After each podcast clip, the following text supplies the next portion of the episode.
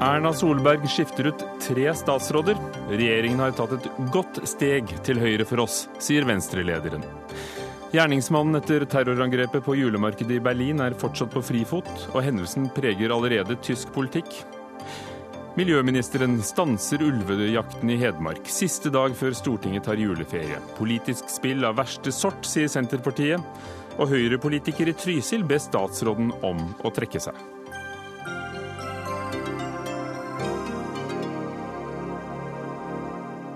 Velkommen til Dagsnytt 18, hvor vi også skal innom landslagssjefen i kvinnefotball. Det er urovekkende og nedstemmende at det ble en mann, sier NRKs ekspertkommentator og møter en motstander til debatt. Ja, så er det blitt klart det, det, vi visste allerede i går, i hvert fall eh, litt. Tre statsråder blir byttet ut i Erna Solbergs regjering etter ekstraordinært statsråd på Slottet i dag. Anders Anundsen slutter som justisminister. Per-Willy Amundsen overtar. Tord Lien går ut som olje- og energiminister. Inn kommer Terje Søviknes. Og det som var nytt i dag Elisabeth Aspaker er ferdig som EØS- og EU-minister, mens Høyres Frank Bakke-Jensen fra Finnmark overtar den jobben. De har akkurat eh, holdt den sedvanlige seremonien med, med, nøkler og blomster. Bare ett av kontorene gjenstår. Lars Nehru Sand, politisk kommentator her i NRK. Styrker Erna sin eh, regjering med dette? Hun endrer den i hvert fall eh, til det hun håper er det bedre. Og det er jo en styrking av eh, i hvert fall Nord-Norge-profilen. Og det er en, eh, en, endring av FrPs lag som både tar med seg en tidligere ordfører med styringserfaring, og fra fylkespolitikken også erfaring med å samarbeide med, med Kristelig Folkeparti og Venstre. Men også tar med seg en, en politiker som har en viss hva skal vi si, eh, standing i den delen av Frp som, som er opptatt av å fronte eh, partiets primærpolitikk, selv om kanskje det ikke er tonen som han kommer til å velge som, som justisminister, først og fremst. Ja, Vi skal faktisk ha med oss den nye justisministeren Per-Willy Amundsen i, i litt senere i løpet av Dagsnytt 18. Marie Melgaard, politisk kommentator i Dagsavisen. Venstre-leder Trine Skei Grande sa nå for en times tid siden at med dette tar regjeringen et godt godt steg bort til høyre fra oss, og hun kalte også Amundsen en klimafornekter. Hvorfor er det så viktig for Venstre om det sitter en, en klimaskeptiker i Justisdepartementet? Man kunne kanskje tro at det ikke er så farlig om justisministeren tror på klimaendringer eller ikke, men eh, jeg tror dette her bare provoserer Venstre noe voldsomt. Det har jo vært en høst hvor klimakampen har stått mellom Venstre og Frp. Og nå krones da det hele med å sette inn Per-Willy Amundsen eh, i regjering. Og da tror jeg venstrefolk eh, har fått litt nok. Og det var en venstremann på vei, eh, som sa til meg på vei inn hit at i England, i The Guardian, så vil man ikke ha klimafornektere i spaltene. I Norge så setter vi det inn i regjering. Jeg tror det oppsummerer ganske greit hva Venstre føler i dag. Ja, Vi hørte om eh, Nord-Norge-profilen. Sjal Fjellheim, politisk redaktør i Nordlys, sett fra, fra Troms. Hvordan er regjeringens nye statsråder?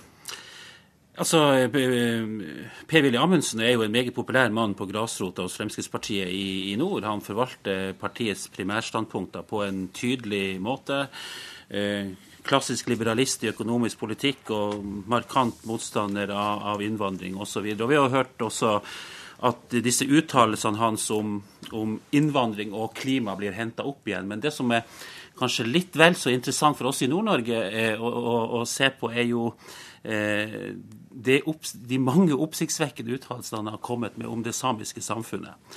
Eh, for etter at Sametinget ble oppretta for nærmere 40 år siden, så er det vel ingen norske politikere som har vært så fordømmende overfor samene og Norges eget urfolk som nettopp eh, Amundsen. Ja, Han har jo sagt Fjellheim, at, at samene ikke er et urfolk, og at samers rettigheter går på bekostning av nordlendinger flest. Ja, altså han er jo en relativt ung mann da, som uh, ser, ser, ut til å befinne seg i fornorskningens tidsalder. Um, og på mange måter har tatt til orde for å videreføre det prosjektet som Norge holdt på med i etterkrigstida, nemlig at alle samer burde bli norske.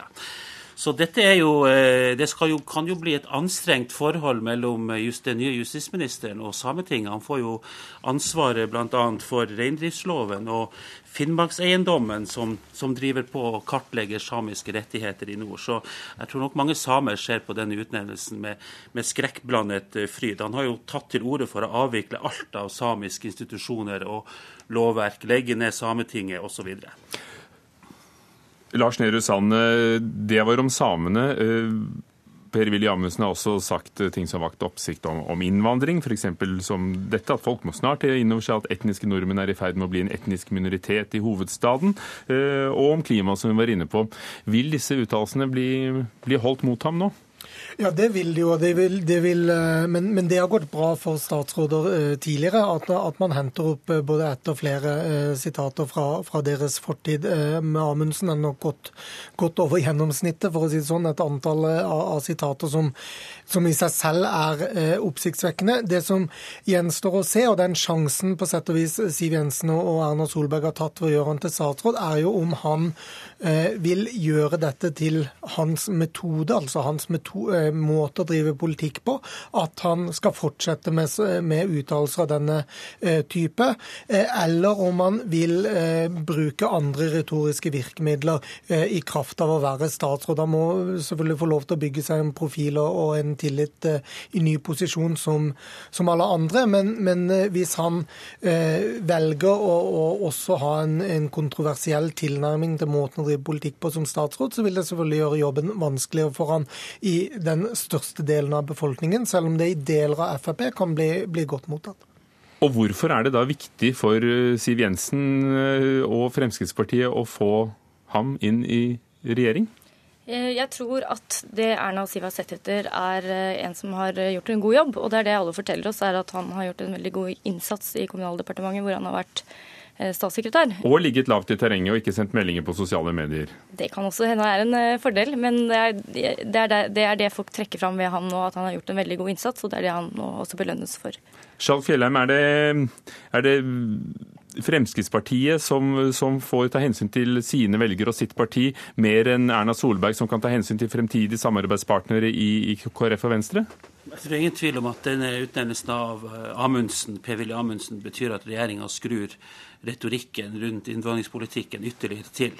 Så Vi skal huske til at det var dette, det var dette saksfeltet som bygde Per-Willy Amundsen som politiker. Da han kom inn i 2005 og Carl I. Hagen gjorde han umiddelbart denne unge mannen fra Harstad til partiets eh, innvandringspolitiske talsperson. Og han sto uh, i stormen med kritikk av islam og ramsal kritikk av norsk innvandring ganske alene i det offentlige rom i mange år. og det er klart at Dette ga han en, en stor tyngde og, og, tillit hos ledelsen i Fremskrittspartiet.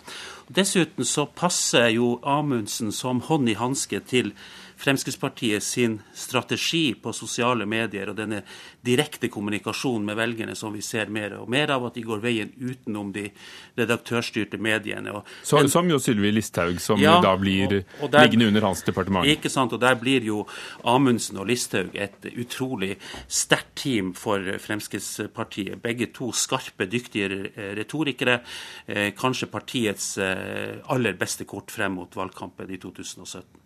Lars Nehru Sand, blir det dynamitt frem mot valgkampen fra ja, FrPs eh, side? Ja, det gjør det nok. Men det er jo, det er jo eh, fortsatt sånn at det finnes eh, flere måter Frp å, å, å, drive politikk på. Det er klart Både Solvik-Olsen og, Listhaug har f.eks. noe ulik eh, hva skal vi si, retorisk profil. Eh, og, og, hvilken tilnærming Amundsen velger, gjenstår å se. Men det er klart, han på kanskje spesielt klimapolitikken og også deler av de uttalelsene han har kommet med på innvandring, så er det også vanskelig for han å Eller det vil i hvert fall kunne slå galt ut hvis han plutselig sier at han mener det stikk motsatte nå. For det vil jo virke veldig rart. Han kan alltid si han skal begynne å snakke på en annen måte, eller vil ikke bruke de ordene nå, eller eh, det var en annen tid da han var eh, i opposisjon osv. Eh, og, og i noen ordvalg så vil det resonnementet bære. Men i noen politiske standpunkt, f.eks. i spørsmålet om, om eh, klimaendringene er menneskeskapt, så er jo det eh, vanskelig, eller da må man i hvert fall begrunne det, da, hvis han har eh, markant endra eh, standpunktet. Det skal vi la ham få lov til å svare på selv, selvfølgelig. Litt senere i sendingen, altså. Okay. Eh, Marie Melgaard, det var mye snakk om det etter eh, budsjettbruduljen. Eh, hvordan fremtiden så ut for et borgerlig samarbeid og, og fire partier, eventuelt tre partier. Hvordan ser det ut nå? Nå er det sånn at Venstre skal ta stilling eh, til sitt veivalg på landsmøtet neste år. Eh, KrF har jo allerede gjort det i et landsstyrevedtak. Og det det snakkes om nå, er at Venstre vil lande ned på noe av det samme som KrF har. Altså stenge, FRP, stenge døra for Frp. Og da gjør det jo veldig vanskelig. Andre dører åpne. Den eh, må de nok tenke litt mer på, men det blir i hvert fall enda mer vanskelig for Erna å gjennomføre sin drøm firepartiregjering etter 2017. Sjag Fjellheim?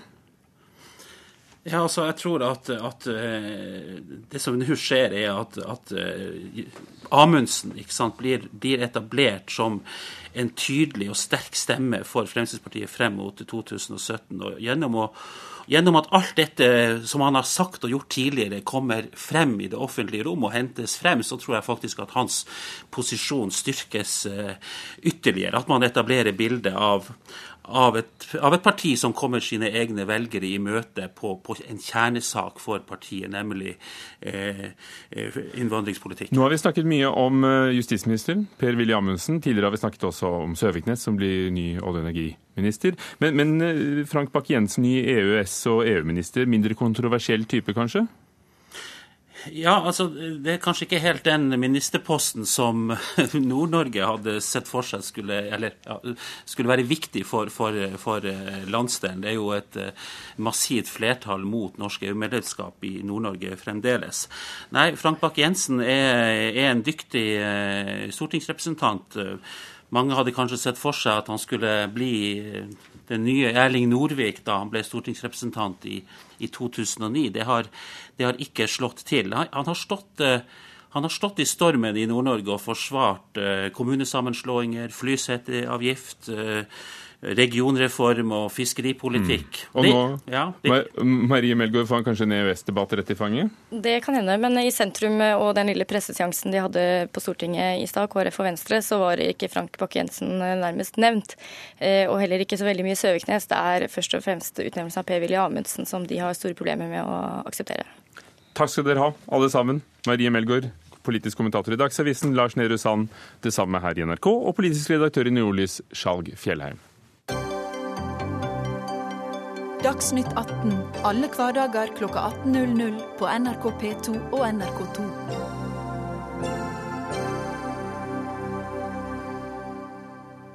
I går kveld ble tolv personer drept og nesten 50 skadet da en lastebil kjørte inn i folkemengden på julemarkedet ved den kjente Gedechniskirche på Kodam, midt i Vest-Berlin. Politiet trodde først at de hadde tatt gjerningsmannen, men senere kom det frem eh, at de hadde tatt feil person. Den siste meldingen eh, vi har fått fra politiet, var at gjerningsmannen fortsatt er på frifot og visstnok bevæpnet. Guri Nordstrøm, vår korrespondent i Berlin. Hvordan preger det den tyske hovedstaden i dag, det som skjedde i går? Akkurat nå står jeg like ved Gedekniskirche. Her er det da et stort blomsterhav ufattelig mange tente lys. Det er sperringer eh, i området her. Det er mye væpnet eh, politi. Eh, det ser ut som alt annet enn det vi forbinder med Berlin på en desemberdag som dette. Hva vet vi, hva sier politiet og hva sier mediene om hvem som har stått bak?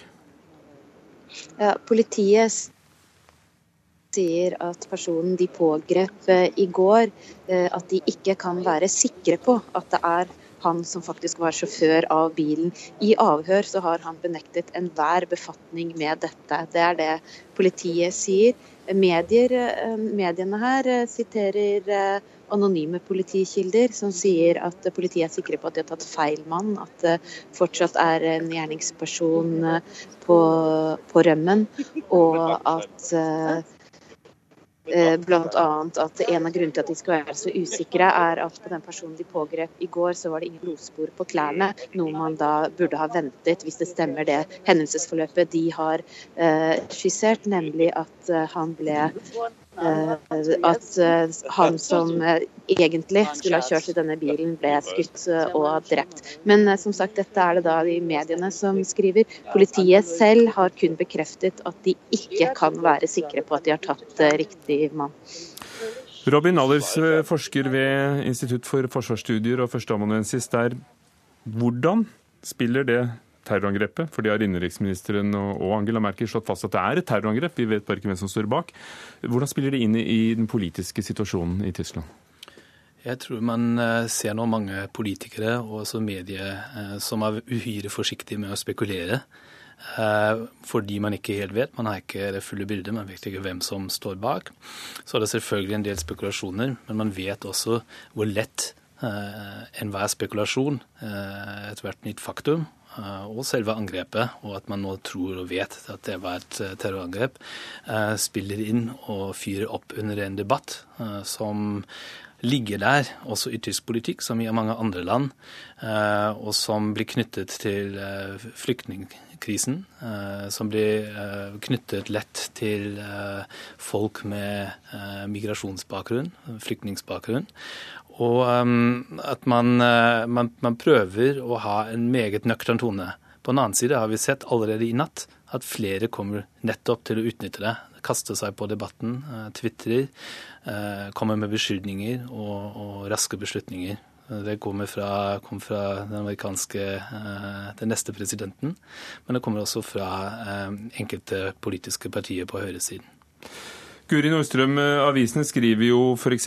fra Frankfurter Allgemeine at eh, terrororganisasjonen IS har hatt et, eh, et, tidsskrift som har gitt en oppskrift på et lignende angrep, som jo er parallell til, til, det som skjedde i NIS i, i, hvordan det er gjennomført, og at det gjennomsøkes i, i, i asylmottaket som er i den gamle lufthavnen på Tempelhof.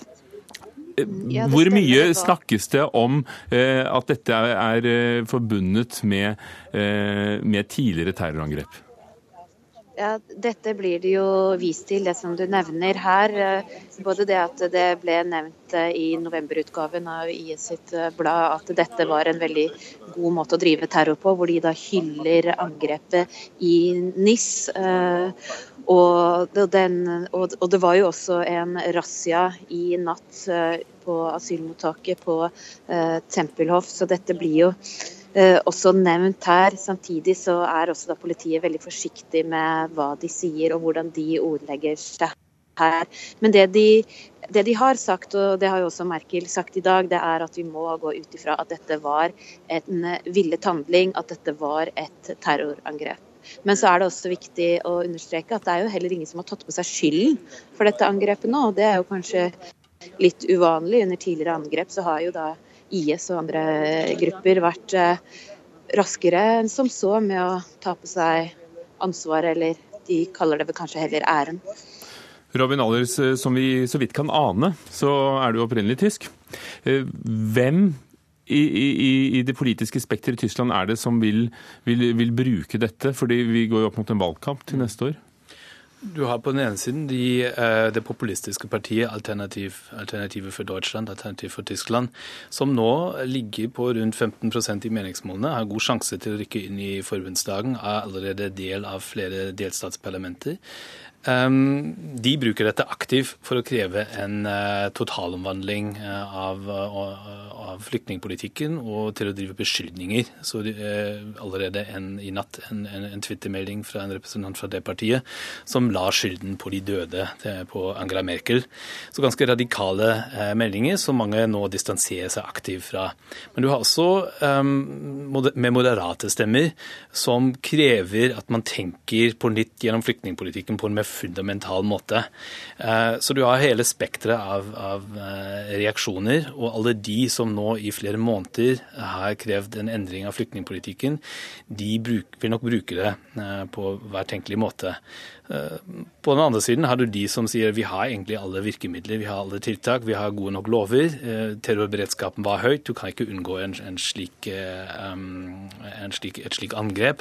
Men vi må tenke, vi må bli enda bedre, vi må samarbeide mer. Og vi, vi må selvfølgelig for all del ikke fortie eh, også mulige tilknytninger og, og, koblinger, men vi må gjøre det på en nøktern måte, og vi har egentlig mange virkemidler allerede på plass. Men i Tyskland så er det jo sånn at de, de store partiene eh, dominerer landskapet. Og, og, selv Alternativ for Deutschland har jo ingen plasser i, i, forbundsdagen, fordi det er vanskelig å nå opp, selv om de er representert i, i hundrevis av kommuner. Um, vil Er det Angela Merkel og de store partiene som tross alt setter dagsordenen for debatten? De gjør det, og, det er kanskje det som skiller også Tyskland fra mange andre land. At de har greid, selv etter det som hendte nyttårsaften eh, i, fjor, eh, og, som eh, reaksjonene som kom etter terrorangrepene i sommer, at man har håndtert det på en nøktern måte, og mellom de store partiene egentlig greid å holde den politiske debatten innenfor en, en saklig ramme. Men likevel så legger jo ethvert angrep press også på de etablerte partiene, fordi de populistiske får mer oppløp og tilløp. Og, og, de etablerte partiene må også svare eh, på velgernes uh, redsel og bekymringer, og må tilpasse seg på det. Så det som alle kan gjøre, og mange oppfordrer til det, eh, er nettopp å gjøre det på en, en mest mulig forsiktig og nøktern måte, for å ikke la debatten skli ut. Og Når du nevnte nyttårsaften i fjor, så var det da at eh, veldig mange kvinner ble antastet under nyttårsfeiringen på, på plassen i, i, i Köln. Uh, Guri Nordstrøm, hvordan er sikkerhetsnivået rundt der, der du står nå? For, for, for det er jo som, som alle sier her, det er jo grenser for hvor mye overvåkning og sikkerhet det går an å ha i et åpent samfunn?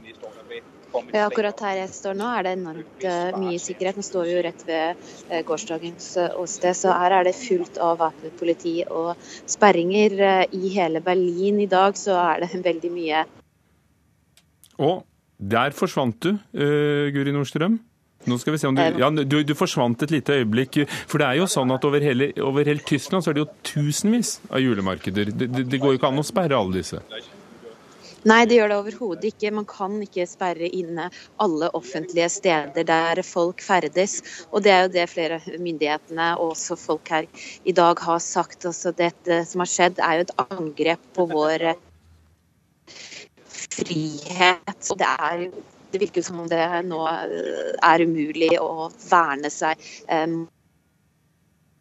Ja, der tror jeg det er sånn Guri Nordstrøm, at vi fikk, seg, vi fikk, med oss at det er et angrep på frihet, og at det er umulig å verne seg, eh, på en litt dårlig linje rett fra sentrum i Berlin. Men eh, Robin Allers, det har vært eh, flere terrorangrep i, Tyskland i, i, løpet av året. Har det, har det sunket inn for, for, for både politikere og også politiet at Tyskland er et mål? Absolutt. Og eh, det blir understreket i dag flere ganger at terrorberedskapen faktisk er allerede ganske høy. Eh, man visste også at julemarked eh, var et potensielt mål. Og som det ble sagt av korrespondenten, det er umulig å beskytte seg mot det. Man vil ikke innskrenke friheten, men det er også så lett å skade folk på den måten at, uh, at, det er vanskelig å unngå. Samtidig må man ikke undervurdere. Man har justert flyktningpolitikken, man har uh, innskjerpet uh, terrorberedskapen. Så myndighetene gjør jo mye. Problemet er hvordan man kommuniserer det til befolkning. Og da blir nok mistilliten mot myndighetene og, og redselen i befolkning større for hver gang. Og det spiller jo i hendene på, på populistene. Guri Nordstrøm, hva skjer videre? Hva, hva er det når kommer neste bit informasjon? Ja, Det vil være fortløpende informasjon eh, så sant det er noe informasjon å gi. Politiet har jo bedt folk om å være oppmerksomme, om å melde inn til dem dersom man ser noe mistenkelig. Eh, om å absolutt ikke prøve å ta saken i eh, egne hender. Så etterforskningen pågår for fullt, og politiet forsøker fortløpende så langt de kan å sende ut bekreftede meldinger på Twitter om, om hva de kan bekrefte og ikke i denne saken. Er det en ganske dempet kommunikasjonsform i, i Tyskland i forhold til hva vi har sett ellers? For det, det hele, hvis vi observerer utenfra, ser, ser lite alarmistisk ut. da. Mm. Jeg tror det er fra eh, spesielt Merkel, men også andre politikere, en bevisst, bevisst holdning og, og, og dempe tonen, som, som, du sier. Eh, ikke la seg eh, friste til å gå inn i eh, en, en, en ja, litt mer, mer høylytt populistisk debatt. Eh, holde, holde debatten på, på, et saklig nivå. Og um, det er jo fordi mange ser at hver gang man, man er med på hysteribølgen, eh, så styrker det bare de, de, populistiske partiene. Så det som gjelder nå, det er å stå sammen, se hva kan vi gjøre bedre. Um, hva slags løsninger kan vi, kan vi få til. Um, hvor må vi justere, hvor må vi øke beredskapen. Men gjør det på en ja, overlate det til myndighetene og, og ikke, ikke, åpne den store debatten. Mm. Og fremdeles drikke en, en glyvein ved en liten bod en vinternatt? Absolutt. Eh, han, jeg tror sjefen for kriminalamt eh, sa at eh, det er opp til enhver å besøke julemarked. Det er ikke terrorberedskapen som forhindrer deg, men han følte selv ikke stemning for å gjøre akkurat i dag, og det er forståelig. Takk skal dere ha. Robin Allers ved Institutt for forsvarsstudier og Guri Nordstrøm, vår Berlin-korrespondent.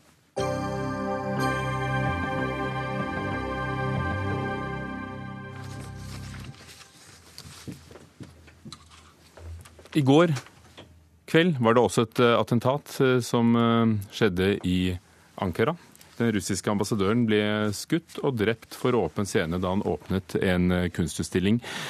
Vladimir Putin i Russland varsler nå opptrapping i krigen mot terror etter hendelsen. Russlands president mener at drapet på ambassadøren Andrej Karlov var en provokasjon for å skade forholdene mellom de to landene. Og Cecilie Hellestveit, forsker, Midtøsten-ekspert. Men Russland og Tyrkia, som hadde et iskaldt forhold i et års tid, er nå gode venner. Hvordan har det skjedd? Ja, Hvor gode venner de er, vet jeg ikke, men de har i hvert fall inngått uh, forskjellige taktiske allianser rundt uh, særlig situasjonen i Syria, men også forholdet seg imellom, både økonomisk og, og på andre måter. Uh, Syria er åstedet hvor tyrkisk støttede grupper ble bombet av russiske fly i et år. Da Russland gikk inn i Syria i september 2011, 15 så var det i praksis ikke for å slåss mot IS, men for å redde stumpene av Assads militærapparat og gjenerobre de områdene som tyrkisk støttede grupper hadde tatt særlig rundt Aleppo, eh, og i de områdene opp mot den tyrkiske grensen. Og Det neste året så sto Tyrkia ganske alene i den eh, kampen i nord, eh, og mente at både Nato-land, amerikanerne i særdeleshet, men også europeiske land sviktet Tyrkia. Etter hvert så ble russerne mer og mer til stede rundt Tyrkia, og presset ble voldsomt. Og sommeren 2016, etter dette mislykkede kuppet i Tyrkia, så endret Tyrkia tilnærming til Russland. Og Aleppo er den byen som kanskje i særdeleshet har vært avhengig av den tyrkiske støtten i Syria. Og når Tyrkia og Russland da inngår en allianse om også situasjonen i Syria, så lå det i sakens natur at før eller siden nå så vil Aleppo antageligvis bli gitt til regimet og russerne. For det er prisen Tyrkia må betale for å få lov til å være til stede på syrisk territorium med tyrkiske soldater, for å hamle opp med kurderne, som nå er blitt en viktigere prioritet for Tyrkia. Og Morten Jentoft, vår Russland-korrespondent eh, akkurat for tiden eh, i Oslo. Det er kanskje nettopp derfor selv denne, eh, dette drapet i går ikke ser ut til å ødelegge de storpolitiske relasjonene? Tvert imot så ser vi jo nå reaksjonene fra Moskva er at uh, dette viser at uh, vi har rett. Vi slåss mot en felles terrorisme. Uh, nå ser vi igjen at russerne roser Tyrkia for at de får lov å sende sine etterforskere ned dit.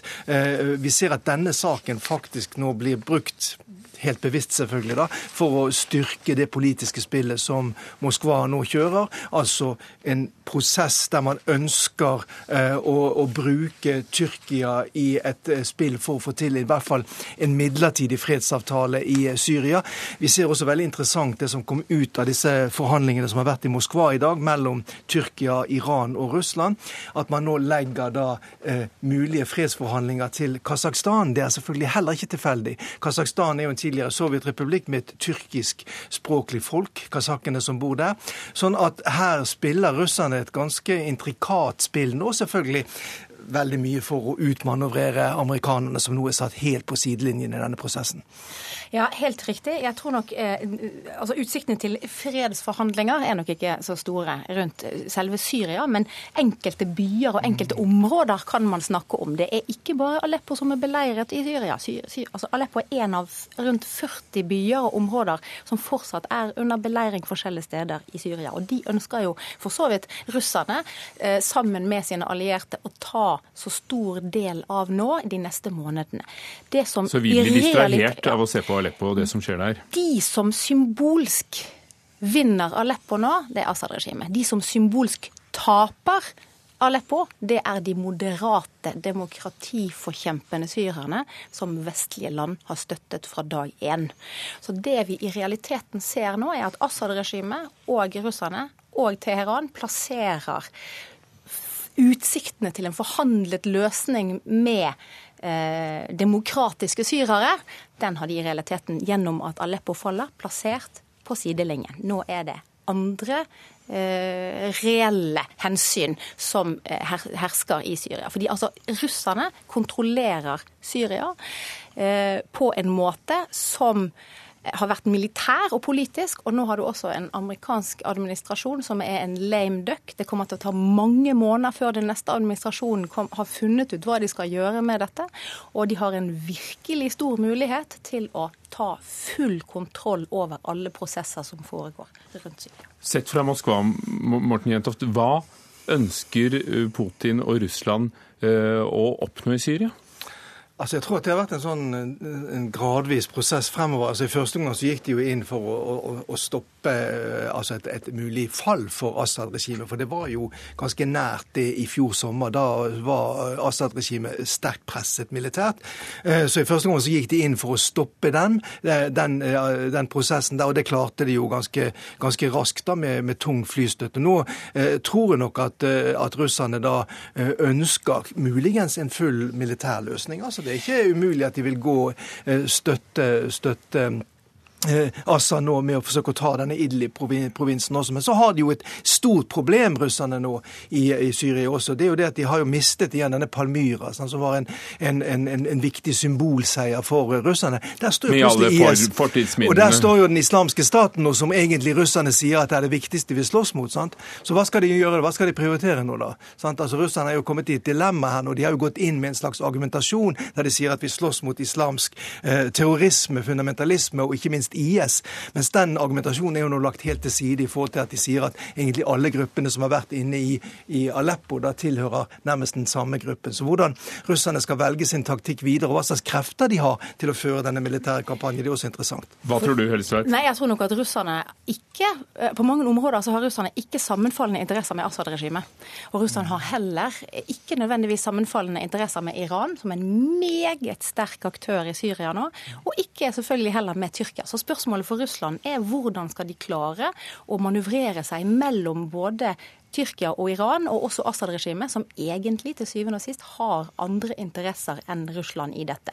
Russland ønsker ikke et blodbad i Syria. De ønsker å være til stede i Syria lenge militært. Hvis dette blir for blodig, kommer den prisen for Russland til å bli altfor høy. Så de må holde seg inne med alle disse.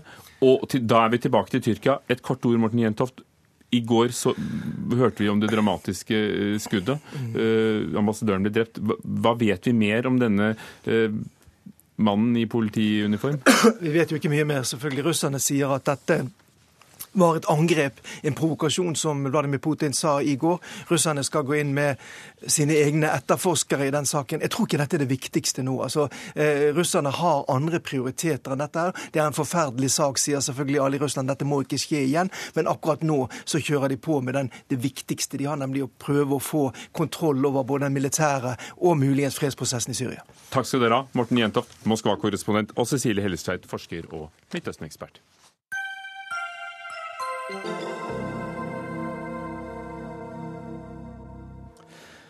Og vi har jo allerede lovet det. Vi har, skal få med oss Per-Willy Amundsen, vår nye justisminister i Norge. Reporter Ann Irén Finstad, du har vært til stede i Justisdepartementet og nøkkeloverrekkelsen som har foregått der. Ja, gratulerer med ny jobb, Per-Willy Amundsen. Hva gleder du deg aller mest til? Nå eh, gleder jeg meg aller mest til å sette meg ned eh, eh, og gå gjennom all den kunnskapen jeg må ta til meg i departementet. hilse på avdelingen, hilse på alle de gode medarbeiderne som, som, jobber her. Og bruke tida på å sette meg inn i sakene som ligger i departementet, og som også ligger i Stortinget. Du har uttrykt at det er et problem med islamisering i Norge. Mener du det fremdeles? Jeg er veldig tydelig på én ting. At som statsråd i Justis- beredskapsdepartementet, så er det regjeringas politikk, regjeringas eh, grunnlag, som, eh, som, er det som jeg kommer til å ivareta, kommer til å forfekte. Også enigheten med Venstre og KrF. Eh, og, og, så tenker jeg det at eh, man bør kanskje dømme meg på den jobben jeg faktisk gjør som statsråd. Eh, og ikke basere seg på um, uttalelser flere år tilbake i tid. Men eh, eh, Venstre og KrF lurer jo kanskje på hva du står for? Som statsråd så kommer jeg til å ivareta regjeringens plattform.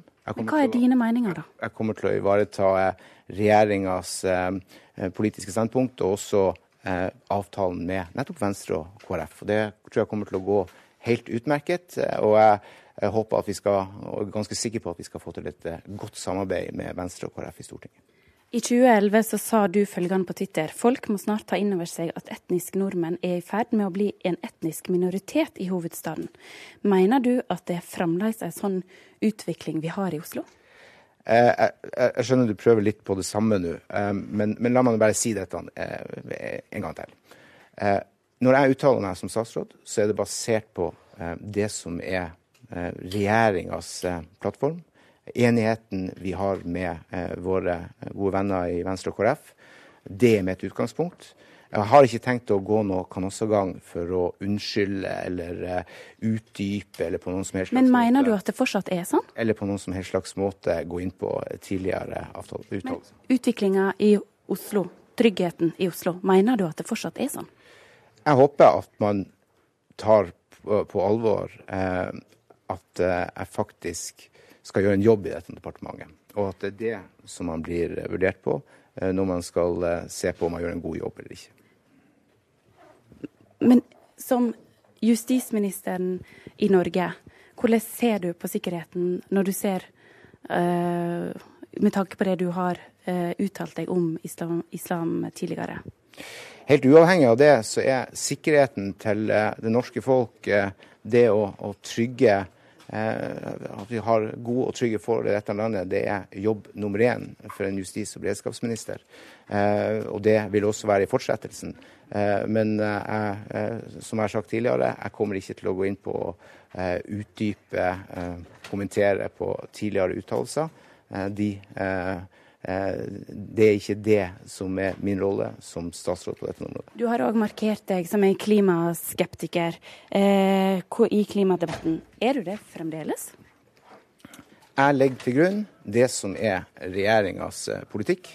Og regjeringa har nettopp i enighet med, med Venstre og KrF fått gjennomslag for det som er som omtales som et historisk klimabudsjett. Eh, det er en viktig fundament av regjeringas politikk og vår overenskomst med Venstre og KrF. Eh, det er min kommentar til det. Og så ser vi angrepet i Berlin. Bare svart helt kort til slutt før du skal springe videre. Hva tenker du om sikkerheten i Norge etter det? Det er, et alvorlig bakteppe når vi ser utviklinga eh, vi har sett senere tid i Europa. Og viser all grunn til å ta disse utfordringene med høyeste alvor. Det har jeg også tenkt å gjøre som ansvarlig statsråd på dette området.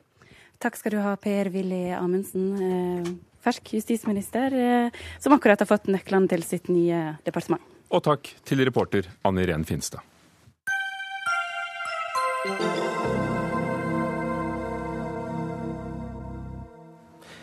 En ny mann er ansatt i en toppstilling, denne gangen i Idretts-Norge. Svenske Martin Sjøgren blir ny trener for det norske kvinnelandslaget i fotball.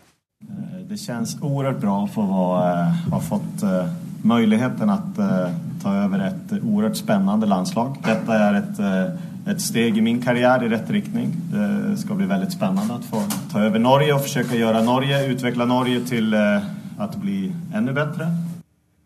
Sa Martin Sjøgren i går.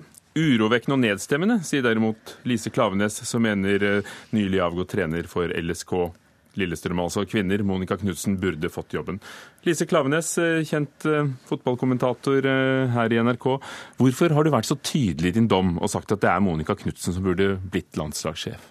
Nei, det har jo med, altså For ordens skyld så vil jeg innledningsvis understreke at Martin Sjøgren er en utmerket kandidat. og Det syns jeg liksom det er viktig å understreke. Men i forkant av denne ansettelsen så var jeg og mange med meg opptatt av at hvis noen skulle forbigå Monica Knutsen som en av de få veldig meritterte, suksessrike kvinnelige trenerne vi har i Norge, og det er et problem å få kvinnelige ledere, så måtte det være en med dyp, tung internasjonal erfaring.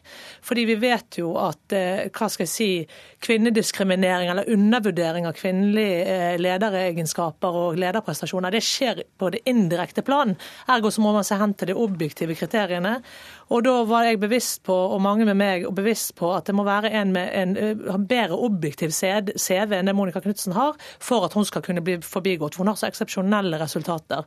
Ja, hva er det hun har gjort? Minn oss på det. Hvor, hvor, god, hvor god, er Monica Knutsen? Ja, hun er jo den eneste treneren i Norge, uansett skjønn, som har tatt tre dobbel på rad. Og det skjer, har skjedd nå. Altså Det er aktuelt per i dag.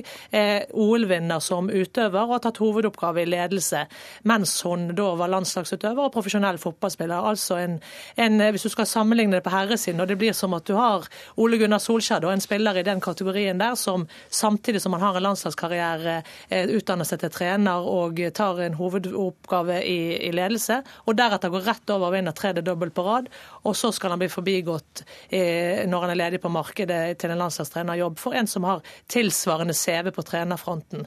Så det, det, det er ikke for å på en måte ta fra Martin Sjøgren noe, men at det her har skjedd en forbigåelse forbigåelse på uriktig grunnlag.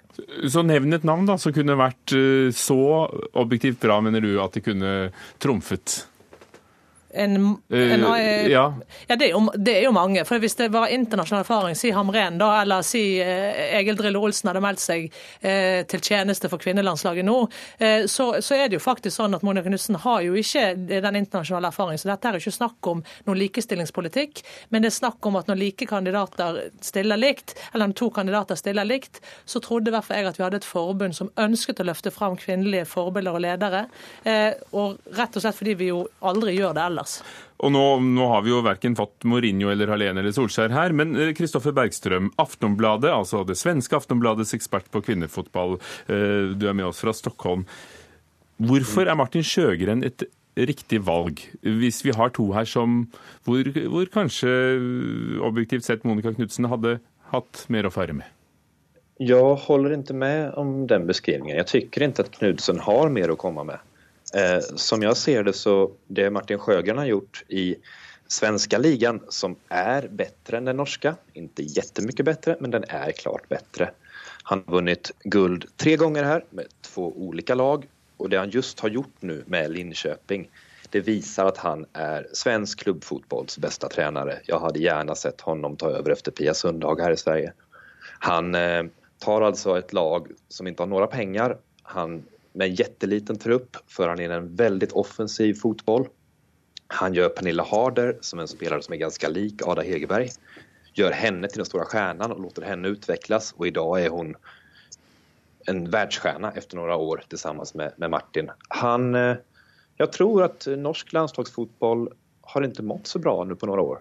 Tycker inte jag. De har sjunkit i världsrankingen lite sedan 2010. Martin är en person som kan sätta ett nytt sorts spel som kan låta några spelare verkligen blomstra. Så jeg holder hans meriter som aningen høyere enn Monica Knutsen. Og, og, så er det da det fordi om de har omtrent lik erfaring fra norsk og svensk fotball, så mener du at den svenske fotballen altså er, er bedre, bare for å få det inn med teskje? Ja, svensk eh, klubbfotboll är bättre än norsk klubbfotboll. Damallsvenskan är bättre än norska ligan just nu. Det, det, har den varit i flera år. Det är ingen jättestor skillnad, men, men den är bättre. Klaveness, ja. er du enig i det? Altså, jeg jeg syns ikke vi skal ta den debatten. Jeg har spilt i både Norge og Sverige, og det, det er mange ting å si om det. Jeg syns ikke det er så interessant. Poenget her er det prinsipielle. Jeg mener at Monica sine meritter er bedre objektivt sett. Og så kan jeg liste opp spillere hun har fått opp og fram, at hun òg har en lang spillerkarriere som på toppen av gode meritter som trener vil kunne gi en dybde som Martin ikke har. Men jeg mener det poenget mitt her er at det er så lite som skiller de, uansett hvordan man ser på det, at hvis vi hadde en strategi om å løfte fram kvinnelige ledere i Norge, så burde det ikke vært engang nødvendig å se til Sverige. Det burde vært en vilje og en, klar vilje for å gå inn her i den ansettelsesprosessen og prøve å få uh, de kvinnelige lederne vi har i vår egen toppserie, som har gjort det uten sidestykke eksepsjonelt bra. Uh, så ikke noe behov for å hoppe over bekken etter vann her, og det tror jeg faktisk man ikke ville gjort hvis Monica Knutsen var en mann. Og, og der ikke... er vi jo kanskje ved kjernespørsmålet. Jeg avbryter det litt, for ja, tiden er knapp. Men Kristoffer Bergstrøm, er det, anerkjenner du det at det er strukturelle problemer og utfordringer som gjør at kvinner sjelden blir valgt, og, og, og derfor hadde det kanskje vært en god idé at, altså at, at kvinne-mann er i seg selv en kvalifikasjon? Jag svarar väldigt fort på det här nu. Jag tycker det är ett jätteproblem att det är för lite kvinnor. Men just damfotboll är ju bäst på att få fram kvinnor nästan av alla sporter. Just idag har Brasilien en kvinna, Emily Lima. Japan har det, USA, Sverige, Tyskland har det, Norge. Ni har haft det, Eli Lansen. Jag tycker fortfarande att andra sporter, herrfotbollen är pinsam. In med mycket fler damer där. Jag tycker att hockeyn måste få in mycket fler damer. Just damfotbollen, varför måste de just göra det? De är ju bäst på det här arbetet någonstans. Jag tycker att Sjögren skal klassas som en lite bedre trener, og det er det enda som spiller rolle i dette fallet. Og Hvorfor skal da en kvinne eh, Lise Klaveness, få en så prestisjefylt jobb når det er så få kvinnelige trenere å, å ta av. Er, er, kjønn i seg selv en kvalifikasjon? Nei, det er det absolutt ikke. Jeg mener jo òg at Monica Knutsen skal være høyaktuell for prestisjejobber på herresiden. Så kjønn skal ikke ha noe å si i forhold til om det er kvinne- eller herrefotball på ledersiden.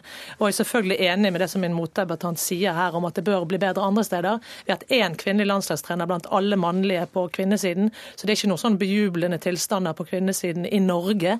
Det er det kanskje andre land, men i Norge så er det veldig nedstemmende med tanke på hvor stor kvinneidrett er i Norge. Og Monica Knutsen burde fått den jobben fordi hun var den best kvalifiserte. Og i verste fall, hvis man skal se på det litt strengt, så var de like eh, likt kvalifisert. Og da mener jeg at man har gått over bekken etter vann, og at man på en eller annen måte indirekte ønsker å, å, å liksom unngå problemstillingen. Martin Sjøgren, utmerket kandidat, men her har vi kastet vekk en mulighet til å få opp og fram den aller mest suksessrike kvinnelige trener vi har i Norge nå, og en av de beste trenere vi har i Norge uansett kjønn. Vi må slutte der. Takk skal dere ha. Og jeg skal legge til at eh, Fotballforbundet vil ikke komme, fordi de sier at de sa det de skulle si i media i går, og at de som arbeidsgiver ikke ønsker å delta i en debatt om hvem de skulle ha valgt. Men takk til dere, Lise Klaveness, fotballkommentator i NRK, og ikke minst også til eh, deg, Kristoffer Bergstrøm, Aftonbladets ekspert. Hør Dagsnytt 18 når du vil. Radio NRK Radio.nrk.no.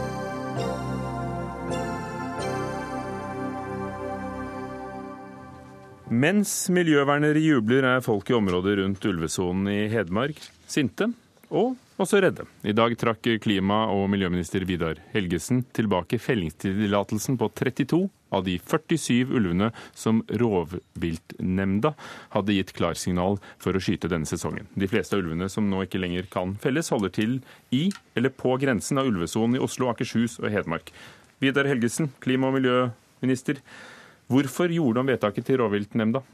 Det er rett og slett fordi en regjering ikke kan sette seg utover lover som er vedtatt av Stortinget. Vi eh, har en naturmangfoldlov. Den er også forankret i eh, Bernkonvensjonen, som er en internasjonal forpliktelse Norge har påtatt seg. Og eh, vilkårene i loven for å tillate felling er ikke til stede. Det har Justisdepartementets lovavdeling, som vi har hatt en grundig prosess med, konkludert med. Men i denne lange prosessen, hvorfor kommer det først nå? Etter en klage fra, fra, din sidekvinne her, som vi skal høre mer om siden. Dette å gjøre ting riktig er vel noe dere burde ha, ha nok orden i sysakene til? Ja, prosessen er altså slik at det er de regionale rovviltnemndene som eh, først fikk eh, fatte disse beslutningene. Men så er det en klagerett. Det er oftest en klagerett når det fattes offentlige beslutninger eh, i Norge. Og det den klageretten brukte flere organisasjoner. Både miljøorganisasjonene, men også skogeiere og andre på eh, beitenærings- og skogsiden.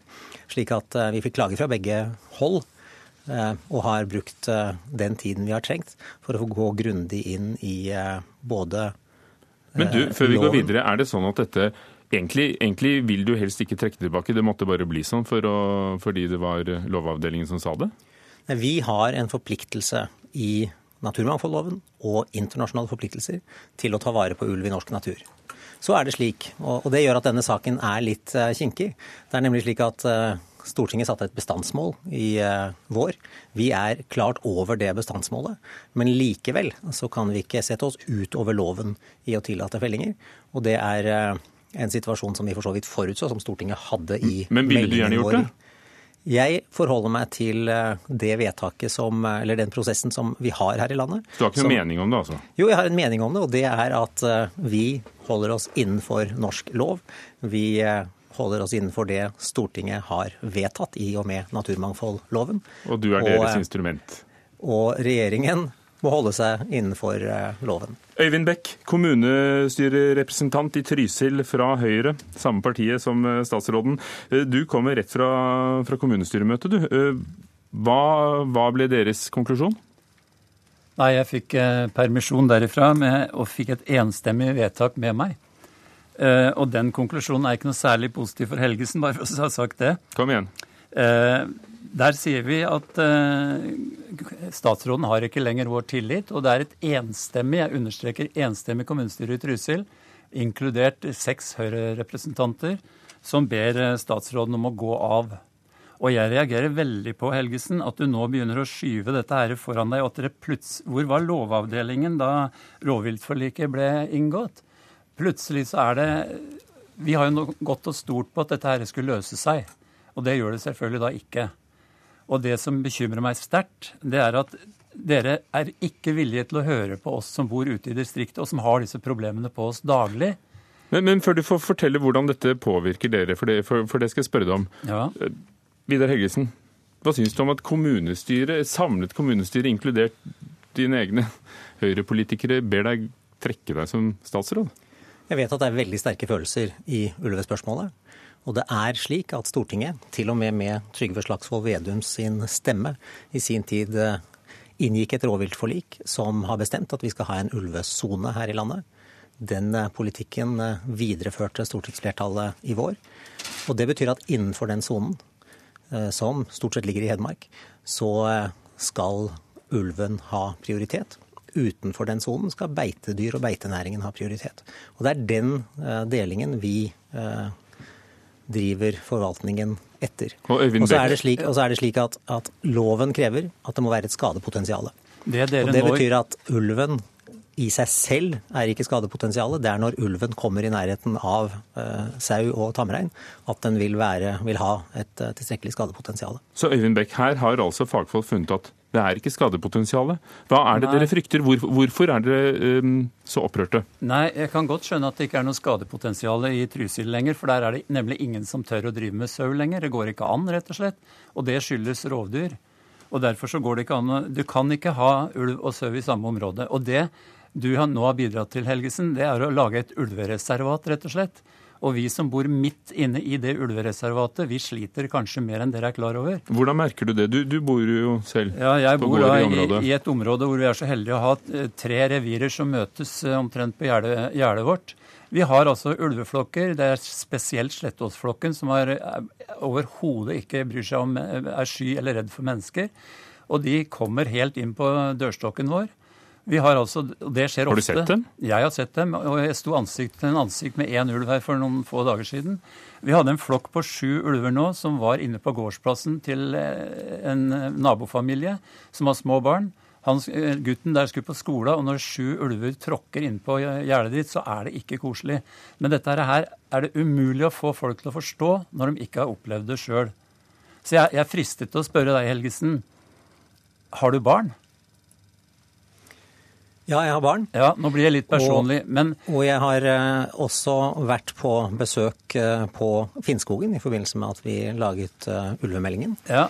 Eh, fordi jeg ønsket å sette meg inn i hvordan dette oppfattes lokalt. Og jeg har som sagt full respekt for, stor respekt for, hvordan dette oppfattes. Men de sier de ikke har blitt spurt? Den, den respekten men, hjelper ikke oss så veldig mye. Og når du sier altså, du har barn, kan jeg få stille Dette er altså en politikk som ligger øyeblikk, langt tilbake i tid, at vi har en ulvesone, og den fører men, til De sier de ikke har blitt spurt. Rovviltnemndene har fattet vedtak så har det kommet reaksjoner på rovviltnemndenes vedtak fra begge sider i denne betente striden.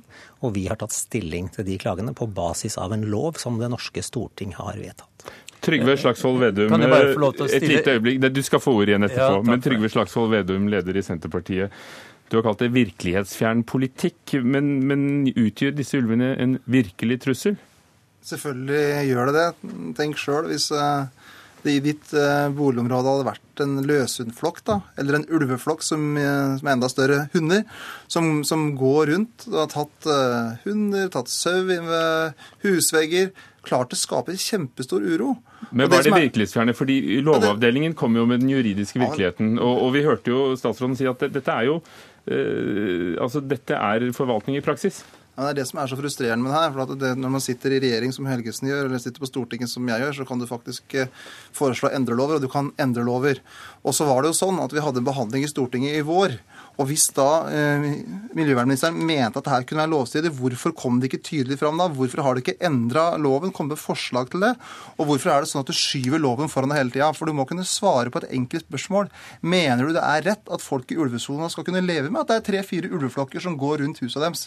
Skal vi bare sitte og se på det fra et miljøvernministerkontor i Oslo? Skal du og Erna Solberg synes at det er helt OK at folk f.eks. i Trysil skal få så stor grad av forringelse av livskvalitet? Eller mener du det er feil? Hvis du mener er feil, så endrer vi loven.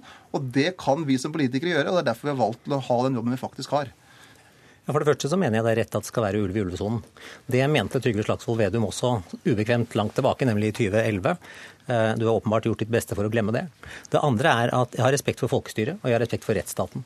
Og jeg mener at lover skal følges og lover skal respekteres. Og i Stortinget i vår, da vi la frem ulvemeldingen, så fortalte vi i Stortinget fra regjeringens side at vi kan få en situasjon der bestandsmålet er mer enn nådd, men vi likevel ikke kan foreta uttak pga. naturmangfoldloven. Så hvis du hadde lest den meldingen og vært så opptatt av denne saken som du nå påstår at du er, så ville du antagelig ha reagert da.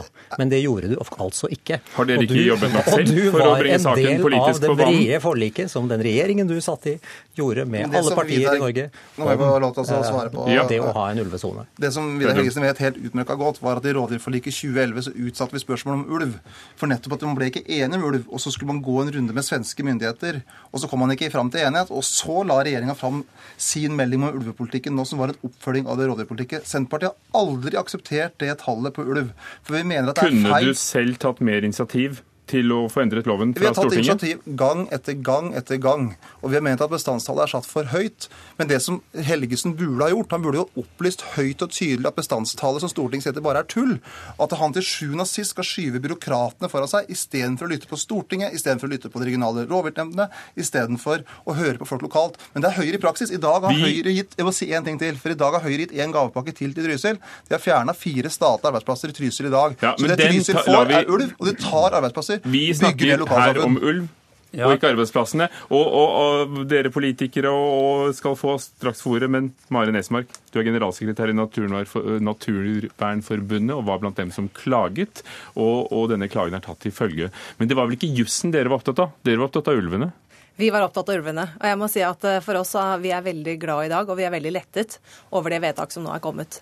Det er for så vidt en selvfølge. Vi advarte rovviltnemnda på forhånd. Vi sendte et brev til alle nemndsmedlemmene på forhånd da de skulle vedta dette her, og sa at eh, det dere gjør nå er trolig ulovlig, eh, og det er farlig for den norske ulvebestanden med et så stort uttak. Så vi er veldig, veldig glad for at vedtaket som kom i dag Vedum mener at det er noe feil med loven. Fordi de har jo da med sin fagkompetanse fattet et vedtak som de mente var riktig. Og du hørte jo Øyvind Bech fortelle fra Trysil at, at de er redde. De, de har ulver på dørterskelen. Hvilket inntrykk gjør det på deg? Vi har et stort folkeflertall i Norge som ønsker ulv i norsk natur. Ja, men de bor Eh, ikke det, det, det er over eh, 80 av den norske befolkningen ønsker ulv. Dette har vært behandla i Stortinget i tre forskjellige varianter nå de siste årene.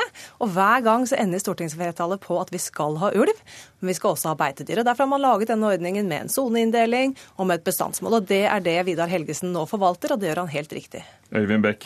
Jeg har lyst til å få svar på det spørsmålet jeg stilte til Helgesen. Jeg fikk bekreftet at han har barn. Kunne du tenkt deg å bo på et småbruk i Utkant-Norge og hatt sju ulver på gårdsplassen din og slippe barna dine ut? Det vil jeg gjerne ha et spørsmål på. Og nå ser jeg Det bort kan ifra- dere få noen korte svar på fra her. Ja. Mari Nesmark, du får også spørsmålet. Ja, jeg for, det er det med å ta, til ta, ta Bør loven forandres hvis folk og viltnemnder faktisk føler at det går ikke? Men det store flertallet i Norge ønsker ulv. Så selv om ja, man prøver å endre den loven, så får man faktisk ikke endret den fordi flertallet vil ha ulv. Jeg har eh, fritidshus eh, et sted i Sverige hvor det finnes ulv. Men eh, så i den grad Og der har jeg barna mine, for å si det slik. Takk skal dere ha.